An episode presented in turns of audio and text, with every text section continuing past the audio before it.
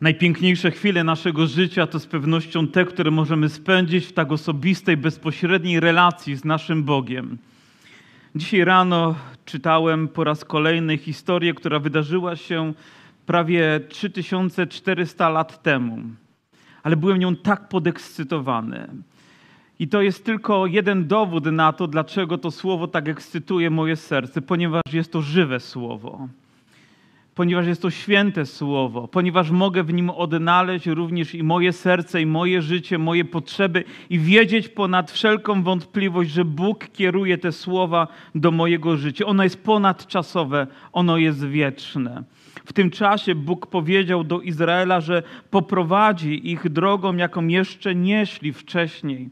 Wiecie, gdy czytamy te słowa w kontekście też Nowego Testamentu, możemy sobie uświadomić, jak ważne słowa padły dwa tysiące lat temu, gdy nasz Pan Jezus Chrystus powiedział: Ja jestem droga, ja jestem prawda, ja jestem żywot i nikt nie przychodzi do Ojca tylko przeze mnie. Jezus jest drogą, jest światłością dla naszego serca i możemy być ponad ponad wszystko pewni, że On wie, dokąd mamy pójść, On wie, jak mamy tam dojść, On nas poprowadzi, On nas umocni na tej drodze i nie pozwoli, żebyśmy się potknęli, upadli, a gdyby się nawet coś trudnego stało, to Jego wszechmocna ręka ma moc nas podnieść. Amen? Jakże cudownie jest czytać Jego słowo i rozważać je na nowo w naszych, w naszych sercach. Dzisiaj po raz kolejny sięgniemy do tej wyjątkowej historii, która ma miejsce miejsce w księdze Jozułego, gdy Bóg w tak wyraźny sposób prowadzi swój naród.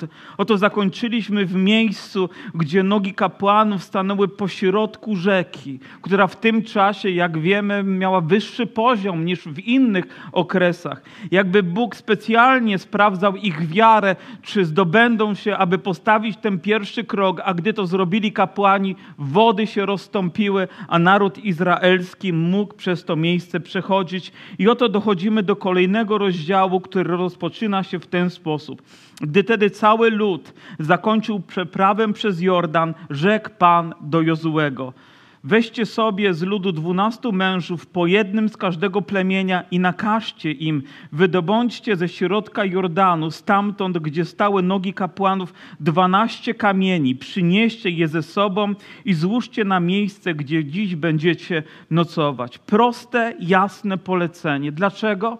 Dlaczego w ten sposób Bóg daje nakaz Jozuemu, aby ten przekazał to słowo dalej, aby oni mogli je wykonać? Ponieważ są chwile, są wydarzenia w naszym życiu, które są warte upamiętnienia są tak ważne, że potrzebujemy do nich niezmiennie i niezmiennie i niezmiennie wciąż powracać. Są takim fundamentem, na którym opieramy nasze życie, które są kluczowe dla dalszej drogi, którą my mamy pójść. Lubię tę historię, którą usłyszałem jako młody człowiek od bardzo doświadczonego misjonarza. Wyobraźcie sobie kogoś, kto dopiero wstępuje na drogę pańską i ktoś, kto 25 lat poświęcił na misję, na służbę i później jeszcze wiele lat służąc zboże.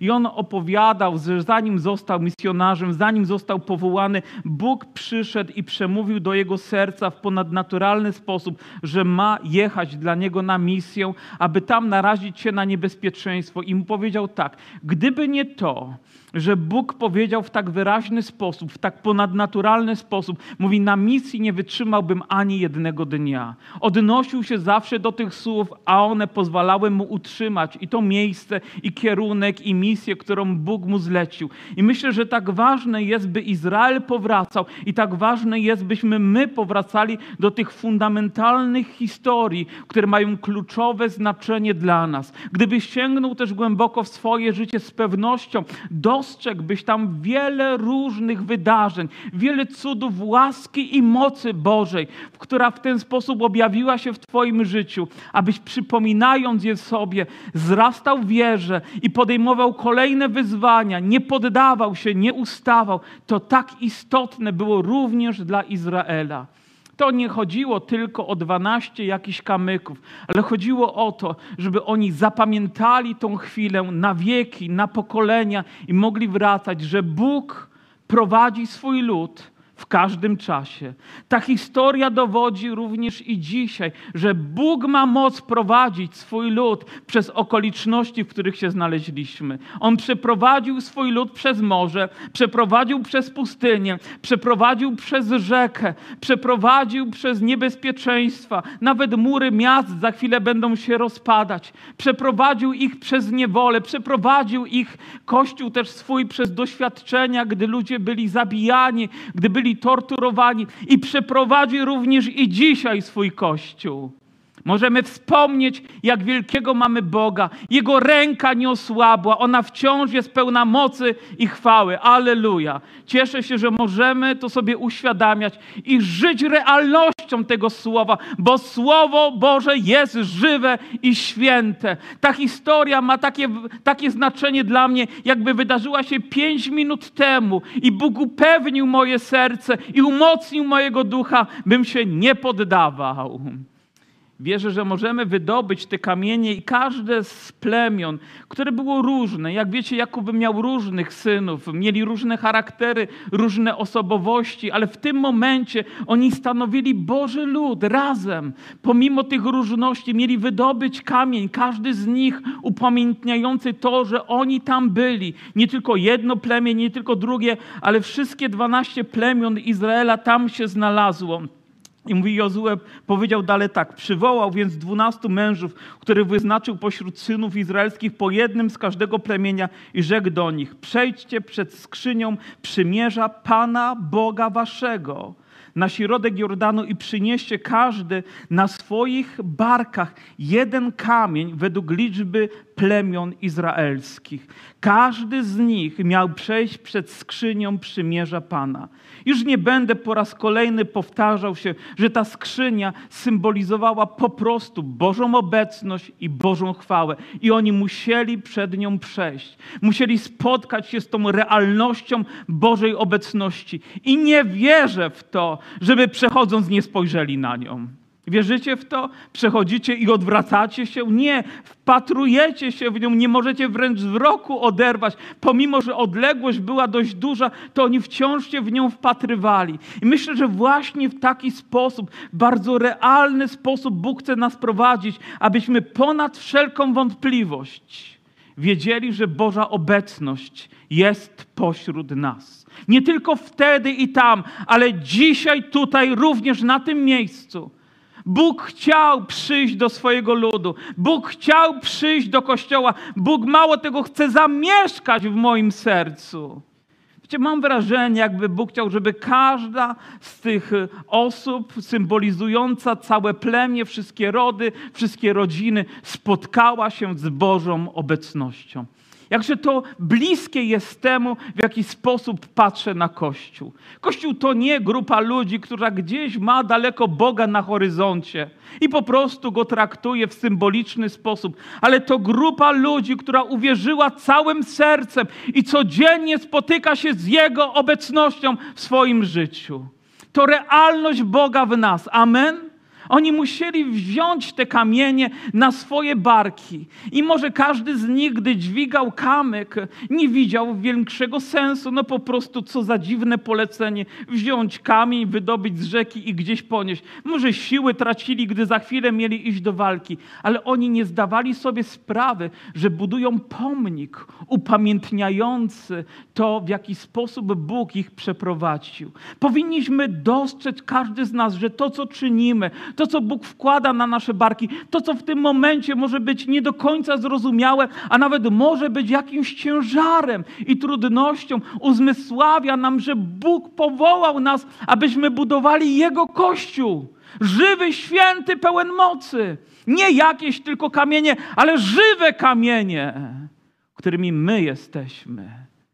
Nasze życie, które Bóg nam dał co za cudowny obraz, który możemy odkrywać również w świetle Nowego Testamentu, w tych pismach, zanurzać się w nich i mieć w nich udział.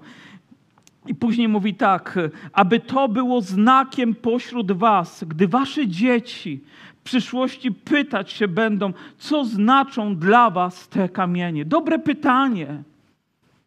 Wiecie, co odkrywam w tym wierszu? Obietnicę. Wiecie jaką obietnicę? Że naród izraelski ma przyszłość.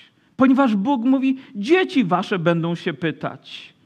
On jakby zapewnia ich, że będą kolejne pokolenia, kolejne pokolenia, kolejne pokolenia, które będą się pytać. To nie znaczy, że każde pokolenie musi już przechodzić przez Jordan, musiało przechodzić przez Boże, ale musi żyć realnością tych wydarzeń, musi mieć to słowo w sercu.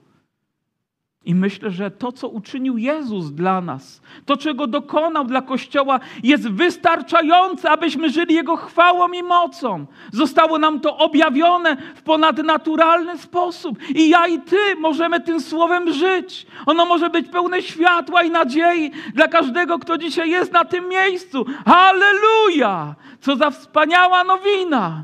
Budujemy Jego Kościół. I wiecie, on chciał, żeby one też były przyprowadzane do tego miejsca, żeby pytały rodziców, a rodzice odpowiadali swoim dzieciom na te ważne pytania, co oznaczało, że Bóg chce w każdym pokoleniu mieć swój lud, który będzie żył jego realnością.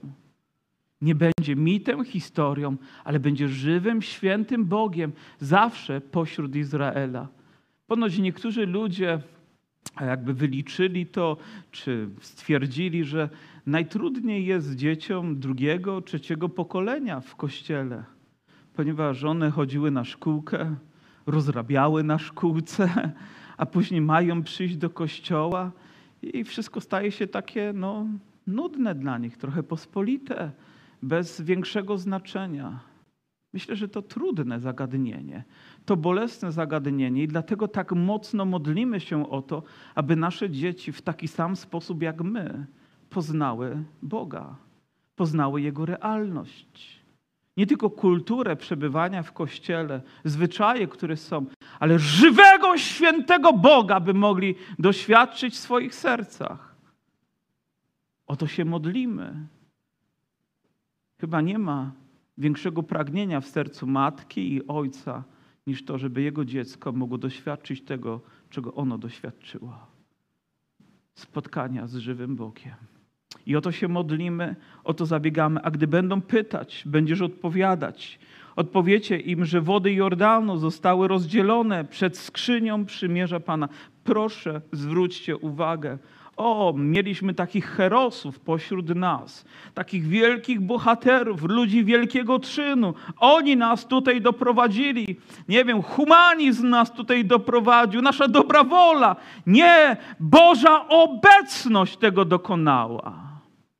I myślę, że wciąż, myśląc o Bogu, musimy stawiać Go we właściwym miejscu, że to On prowadzi nas, że to On prowadzi swój Kościół, że On jest tym samym Bogiem, który był dwa tysiące lat temu, trzy i pół tysiąca lat temu i w każdej historii Izraela i w każdym wydarzeniu Kościoła i jest i dzisiaj tym samym Bogiem.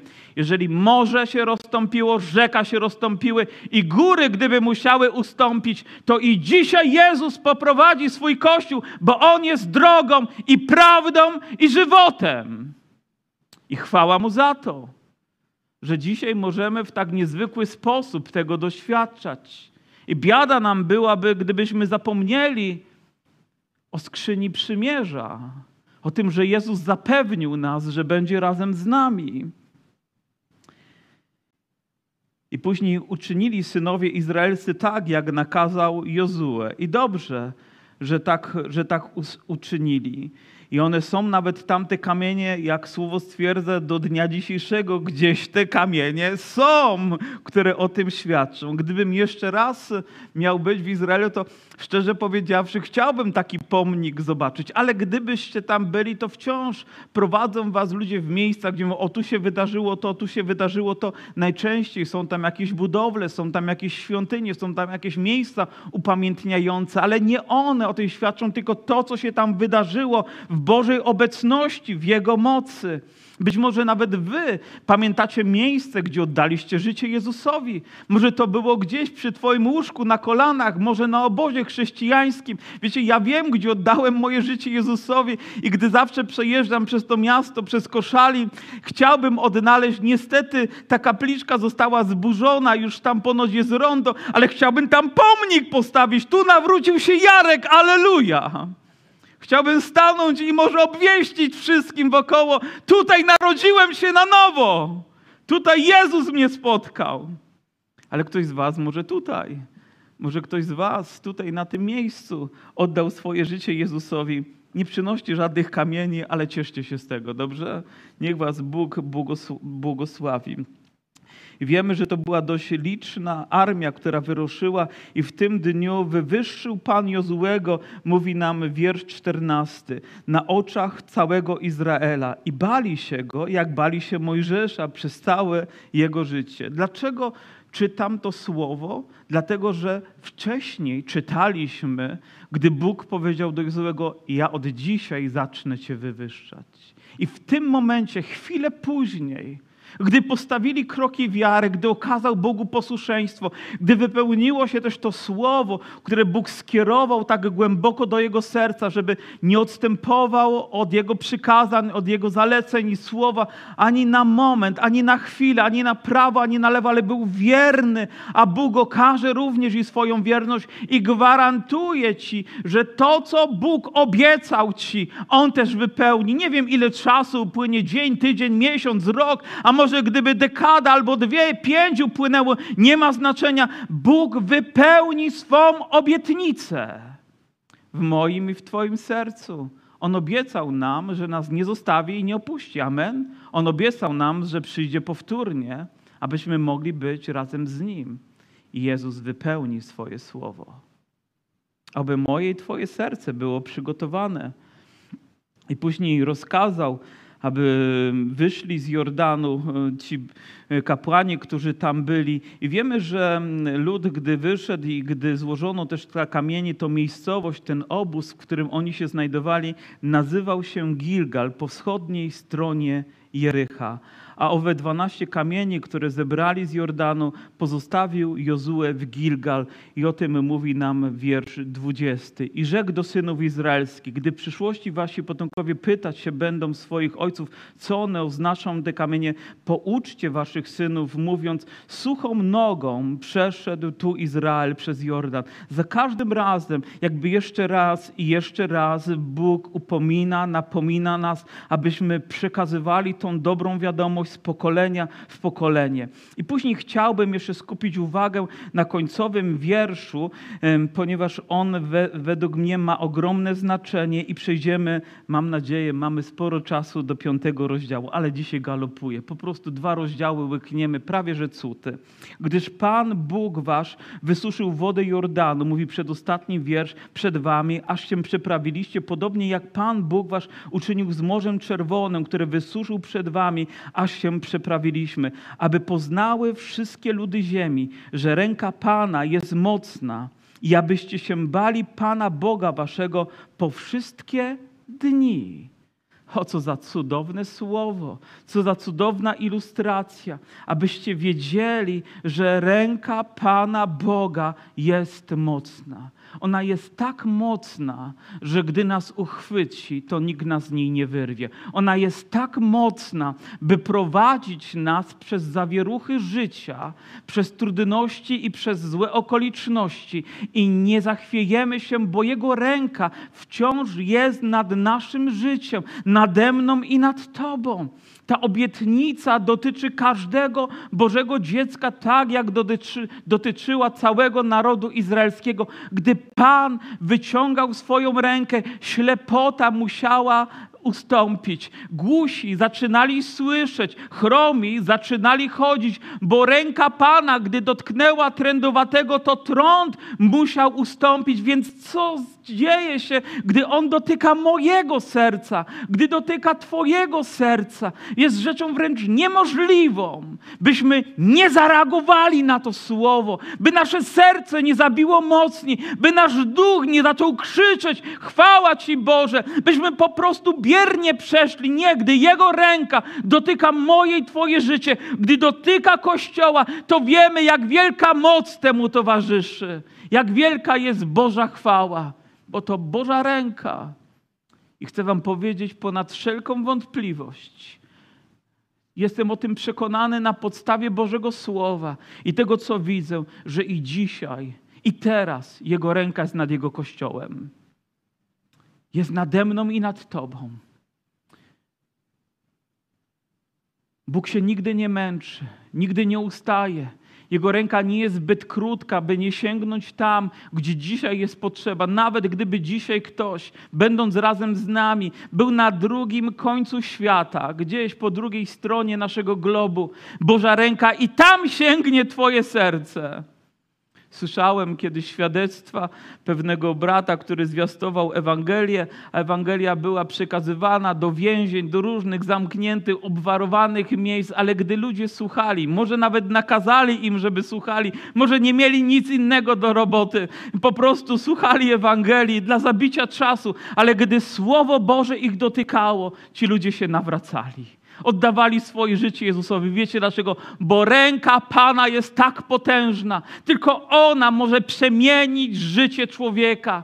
Ta ręka dzisiaj, gdy dotyka Twojego serca, to nie ma takiej troski, takiego problemu, takiej sytuacji, której On nie byłby w stanie rozwiązać. Nie ma takiej okoliczności, przez którą On by Cię nie przeprowadził. Tak, to jest ta sama potężna dłoń, która prowadziła Izraela. I ona dzisiaj dotyka mojego i Twojego serca. I chwała Mu za to.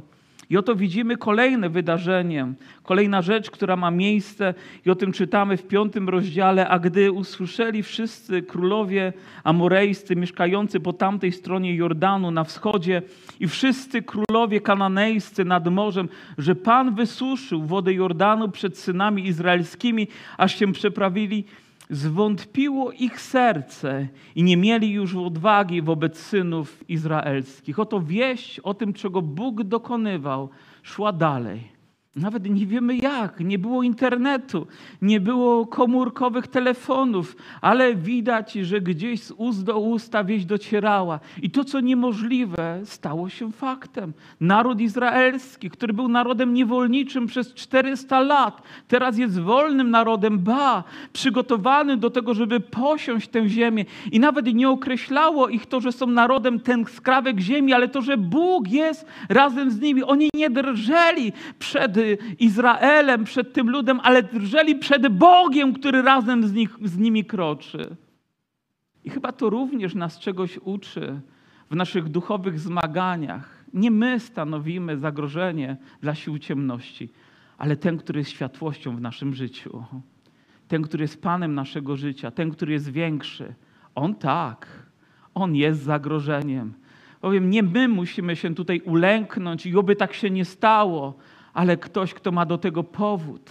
I rzeczywiście, gdy Ewangelia jest zwiastowana, to różne są reakcje ludzi. Jedni chwalą Boga, ale inni się wycofują, inni drżą, inni się boją, nawet nie lubią, kiedy mówi się o Jezusie, od razu jakieś alergii dostają, od razu emocje się wzbudzają, od razu niepokój następuje. Wiecie dlaczego? Bo mają świadomość tego, że pewnego dnia będą musieli się z Nim spotkać, ale nie chcą, by ich serca się uniżyło, nie chcą oddać swojego życia Jezusowi i dlatego obawiają się, ale człowiek Boży, który narodzi się na nowo, nie musi się obawiać, nie musi się lękać, bo ma żywot wieczny, bo należy do wszechmogącego Boga. Co za przywilej, który nam spotyka i chwała za to naszemu Bogu, że Jego ręka jest tak mocna. I, i w owym czasie rzekł Pan do Jozłego, zrób sobie krzemienne noże i później obrzesz synów izraelskich po raz wtóry. I cały Izrael płci męskiej zapłakał. Oczywiście wiecie, na czym polega obrzezanie. Wiecie, że dokonano tego, jak słowo mówi, kamiennymi nożami, po prostu wykrzesanymi gdzieś, bo może łupanymi z krzemienia. On się tak rozłupał i później ostrzono jego ostrze. Ale jaki ostry by nie był ten kamień, to wciąż będzie kamień. I gdyby miał dotknąć i dokonać pewnej operacji na bolesnych częściach ciała, to nie jest to łatwa rzecz, prawda? Ale dlaczego jest tak potrzebna? Ponieważ to obrzezanie było znakiem przymierza pomiędzy Bogiem a Jego ludem. Nie ta ziemia, ale to, że oni zawarli z Nim przymierzem, uznali, że to On będzie ich Bogiem, a On w ten sposób chciał, aby było to świadectwem dla innych. Oto wyszedł lud z Izraela, który był w przymierzu z Bogiem, tak to nazwijmy ładnie. Ale przez 40 lat tamci wojownicy umarli, a to pokolenie, które weszło, nie miało tego zaszczytu zawrzeć to wyjątkowe przymierze. I, dlatego to było dla nich pewnie tak ważne i być może tak trudne. Myślę, że tak ważną rzeczą w naszym życiu jest to, o czym mówi również i ten fragment, powiem tą symbolikę, którą wyraża, że każdy człowiek potrzebuje zawrzeć przymierze z Panem. I jedną z nowotestamentowych form zawierania, zawierania przymierza, tą główną rzeczą jest to, że przyjmujemy chrzest, że dajemy się zanurzyć w wodzie, że w ten sposób wyrażamy naszą wiarę, nasze oddanie życia Jezusowi, nasze podporządkowanie Jemu, bo mówimy tak, umieramy dla tego świata, by powstać i żyć dla Chrystusa. Czasami jest to trudne, może być nawet bolesne, może być pełne wyzwań, ale Bóg pragnie, abyśmy okazali Mu w tym proste, zwyczajne posłuszeństwo, a gdy się dokonuje, jest to znowu jeden z tych elementów, do których możemy się odnosić. Powiedzieć, tak zawarłem, Panie, z Tobą przymierze. Ja nie wiem, co Wy czujecie w sercach, nie wiem, co myślicie, myślicie i dobrze, że nie wiem wszystkiego, bo pewnie nie miałbym odwagi przed wami stanąć, ale wiem, kiedy wchodzisz do baptysterium, wiem, kiedy wchodzisz do wody i jesteś zanurzony, widzę, co się dzieje. Widzę to świadectwo, które wtedy się rodzi i mogę się do niego odnieść, mogę nawet zdjęcie zrobić i później położyć na swojej półce, powiedzieć, tak, mój brat zawarł przymierze z Panem, ja byłem tego świadkiem.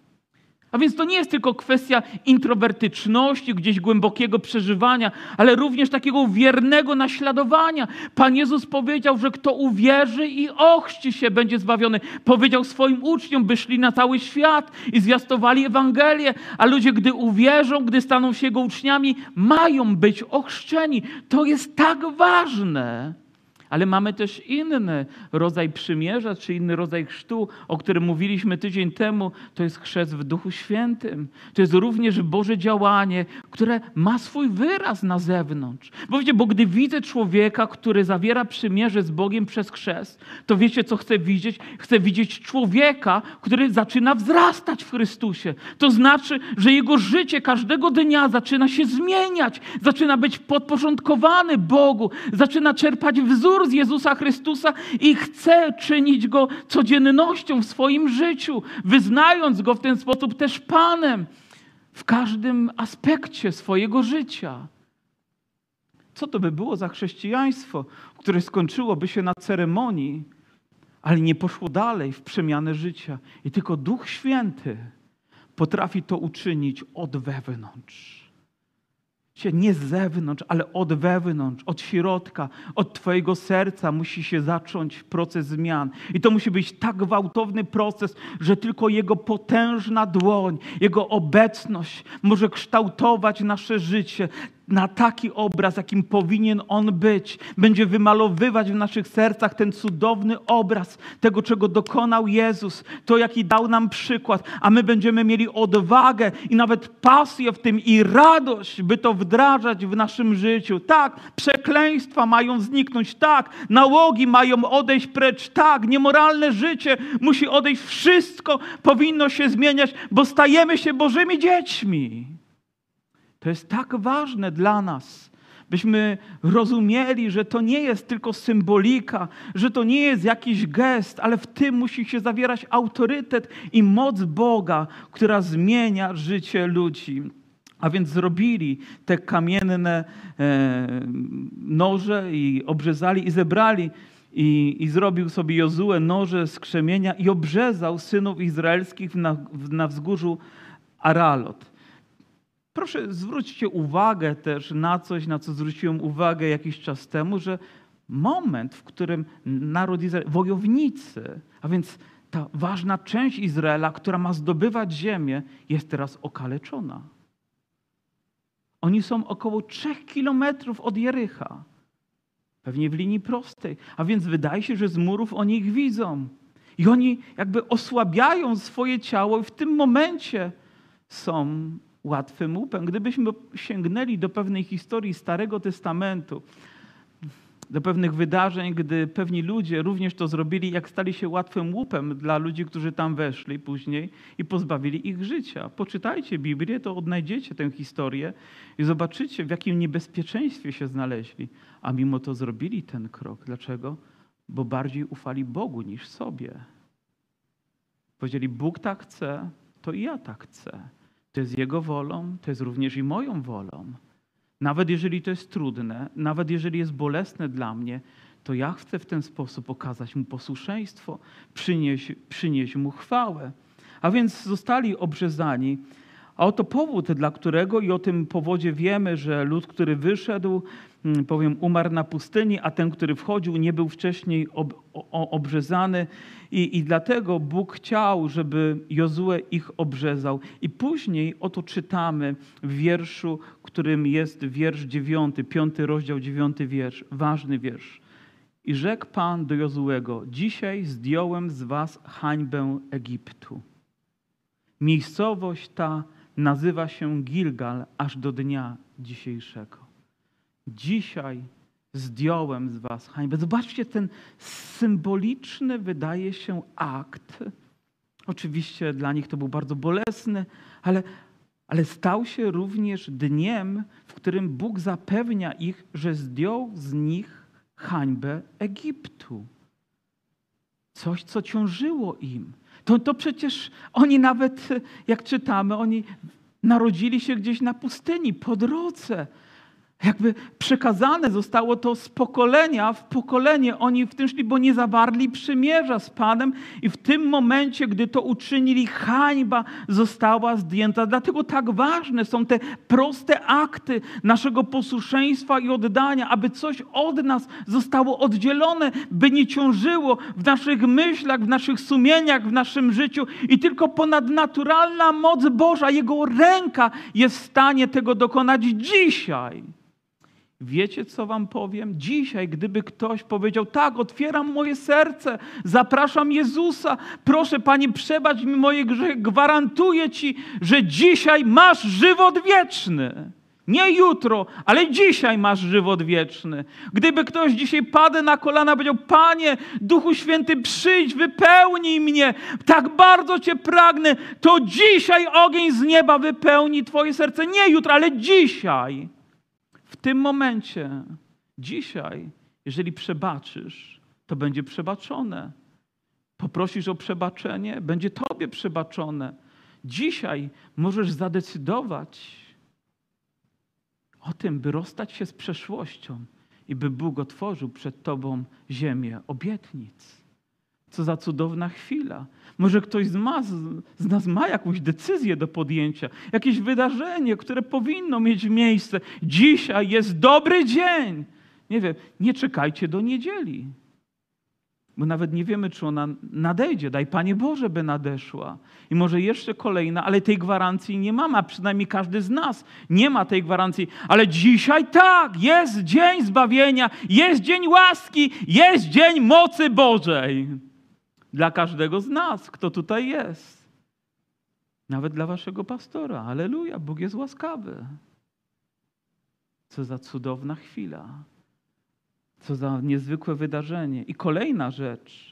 A gdy synowie izraelscy rozłożyli się obozem w Gilgal, zwrócicie uwagę, czytając dalej historię, jak wiele razy naród izraelski, przywódcy będą wracać do tego miejsca, mówią wracajmy do Gilgal, wracajmy do Gilgal, wracajmy do Gilgal. Dlaczego? Bo tam jest pomnik, bo tam zawarli przymierze, bo to jest wyjątkowe miejsce, do którego powinniśmy powracać, tak jak my w naszych myślach, w naszych sercach wracamy na Golgotę, wracamy do pustego grobu, wracamy do górnej izby, bo to są miejsca, gdzie bierze się nas nowy początek w Jezusie Chrystusie. Amen? Czy już śpicie? Dzisiaj jest dzień nowego początku by Bóg poprowadził nas dalej. Jutro nie wiemy, z czym się zmierzymy, ale jeżeli dzisiaj Twoje serce uwierzy, Jego mocna dłoń poprowadzi Cię dalej. I oto nazajutrz poświę... dnia dzisiejszego, mm, a gdy synowie izraelscy rozłożyli się obozem w Gilgar, obchodzili Paschę 14 dnia miesiąca wieczorem na placach Jerycha i nazajutrz po święcie Paschy jedli z plodów ziemi, prześników i prażone ziarno. I w tym właśnie dniu, gdy jedli z plodów ziemi rano, ustała manna i synowie izraelscy nie otrzymali już manny, lecz w tym roku jedli z plonów ziemi kananejskiej. Dwa wydarzenia, które mają miejsce, obchodzą Paschę, święto, bardzo ważne święto, które upamiętnia ich wyjście z, z Egiptu. Stało się tak dlatego, ponieważ Bóg nakazał im, aby wzięli baranka, zabili go, a jego krwią mieli pomazać co? Odrzwia i oni to uczynili. To było proste posłuszeństwo. A później oczywiście ta ofiara została w właściwy sposób spożytkowana, ale gdy anioł śmierci przechodził przez Egipt, wszędzie gdzie zobaczył znak krwi, nie wszedł. Nie miał prawa tam wejść. Nie mógł tam wejść, dlatego że chroniła krew. Krew baranka.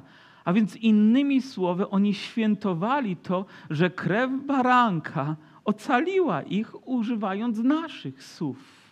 Czyż nie jest to w odniesieniu do tego, czego dokonał Jezus dla mnie i dla Ciebie? Jego krew chroni nas przed śmiercią. Jego krew chroni nas przed potępieniem. Jego krew chroni nas przed złem. Jego krew chroni nas przed przekleństwem, bo On jest barankiem, który ofiarował samego siebie za nas. Bez winy był, bez skazy, bez mazy, bez grzechu. Kiedyś Billy Graham powiedział, powiem, to tylko Jezus był bez grzechu. Gdybyście spytali mój zespół, czy Billy Graham jest bez grzechu, wszyscy by powiedzieli nie, grzeszny. Bo widzieli mnie pewnie w różnych sytuacjach. Gdybyście moją żonę spytali, powiedziałaby, no niedoskonały człowiek, ale Jezus był bez grzechu. To był doskonały baranek, który został złożony. Wiecie, co za święto jest w życiu człowieka, kiedy jego krew obmywa nas z grzechów? kiedy stajemy się wolnymi ludźmi, kiedy przekleństwo znika, pojawia się Boża chwała w naszych sercach. Ja wierzę, że nie tylko raz w tygodniu, gdy mamy stół pański, wspominamy to wydarzenie, ale Paschę my, ludzie wierzący, my, ludzie wiary, mamy każdego dnia w naszych sercach. Każdego dnia, w każdej chwili świętujesz zmartwychwstanie, żywot, który dał Ci Jezus. Aleluja. Powiecie aleluja? Aleluja. O, cieszę się. Kilku śpi, ale zaraz obudzimy jeszcze kolejnym wierszem. A gdy Jozue był pod Jerychem, zdarzyło się, że podniósł swoje oczy i ujrzał stojącego naprzeciw siebie męża z wydobytym mieczem w ręku. Jozue podszedł do niego i zapytał go, czy należysz do nas, czy do naszych nieprzyjaciół? Dobre pytanie. Do kogo należysz? Jesteś z nami, czy przeciwko nam? Zobaczył człowieka z mieczem i mówi, oby był po naszej stronie. Miał do tego pewnie powody, a może nawet obawy, żeby tak pytać. Ale oto co usłyszał. A ten odpowiedział: Nie, ale jestem wodzem wojska Pana. Przyszedłem teraz. Wtedy Jozue upadł na twarzą, upadł twarzą na ziemię, oddał mu pokłon i rzekł do niego: Co rozkaże Pan słudze swemu, a wódz wojska Pana rzekł do Jozuego, zdejm z nóg sandały swoje, bo miejsce, na którym stoisz, jest święte. Jozue tak uczynił. Wiecie, na pytanie Jozuego, Gdy pada odpowiedź nie, to na które pytanie? Jesteś z nami czy z naszymi wrogami? Mówi nie. Która część pytania, czy które pytanie uzyskuje odpowiedź? Nie zastanawialiście się kiedyś nad tym? Ale jakby chciał w ten sposób, i to wódz wojska Pana został posłany, powiedział: Nie, to ja was poprowadzę. To nie ja przyszedłem dla was, ale wy teraz pójdziecie za mną. To ja będę za was walczyć. To ja dam wam zwycięstwo. To ja i całe niebo będzie wam sprzyjać, gdy wy będziecie walczyć. I myślę, że tak właśnie wygląda nasza relacja z Bogiem. To nie On dla nas, ale my dla Niego, bo to On zwycięża, to On nas prowadzi, to On kieruje naszym życiem. Amen? To jest niezwykle ważne dla nas, abyśmy mieli tego pełną świadomość w naszych sercach. I dlatego Jezus mówi, co rozkaże mój Pan? Padł na twarz. Był wręcz porażony tą sytuacją. Spotkał wodza wojska Pana. Oto niezwykłe wydarzenie w historii Izraela i tego człowieka. Spotyka wodza wojska Pana. Próbuje sobie to wyobrazić i ta chwila dla niego jest święta, jest wyjątkowa. Co rozkażesz? A on mówi proste słowa: zdejm obuwie, bo miejsce, na którym stoisz, jest. Hmm. Czy miejsce, na którym stoimy dzisiaj, jest święte?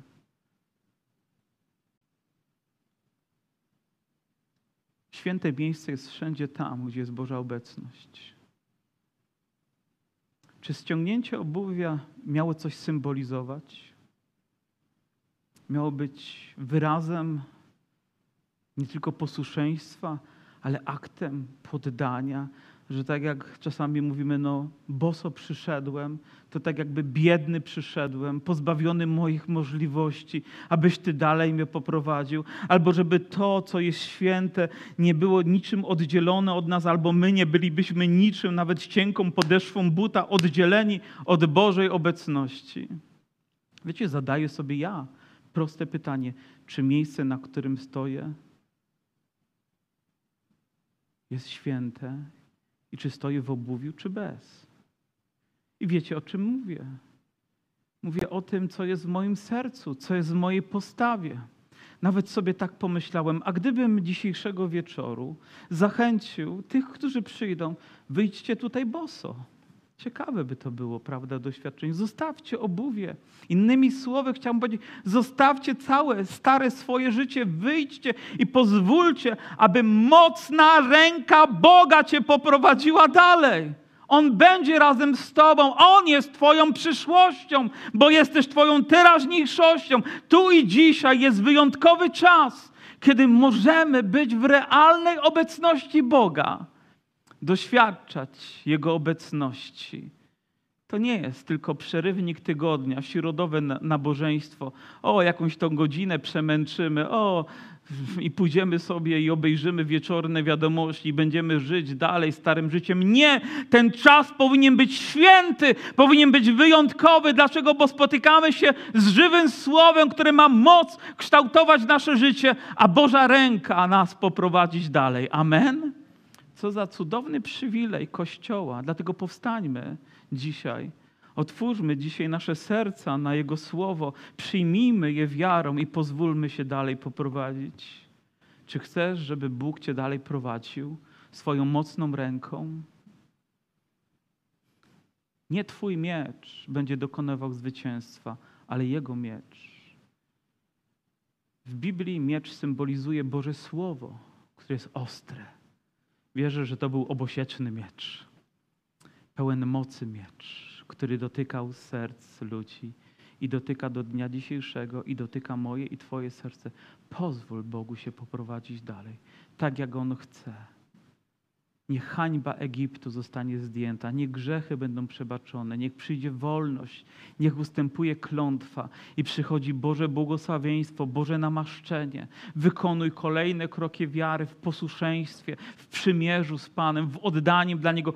Pozwalaj, aby Duch Święty zmieniał Twoje życie. Pozwól, żeby ono było jak plastelina, a On będzie je kształtował tak, jak chce. I to będzie cudowne. O, lepsze niż to, co moje albo Twoje ręce byłyby w stanie ulepić. On będzie Panem Twojego życia.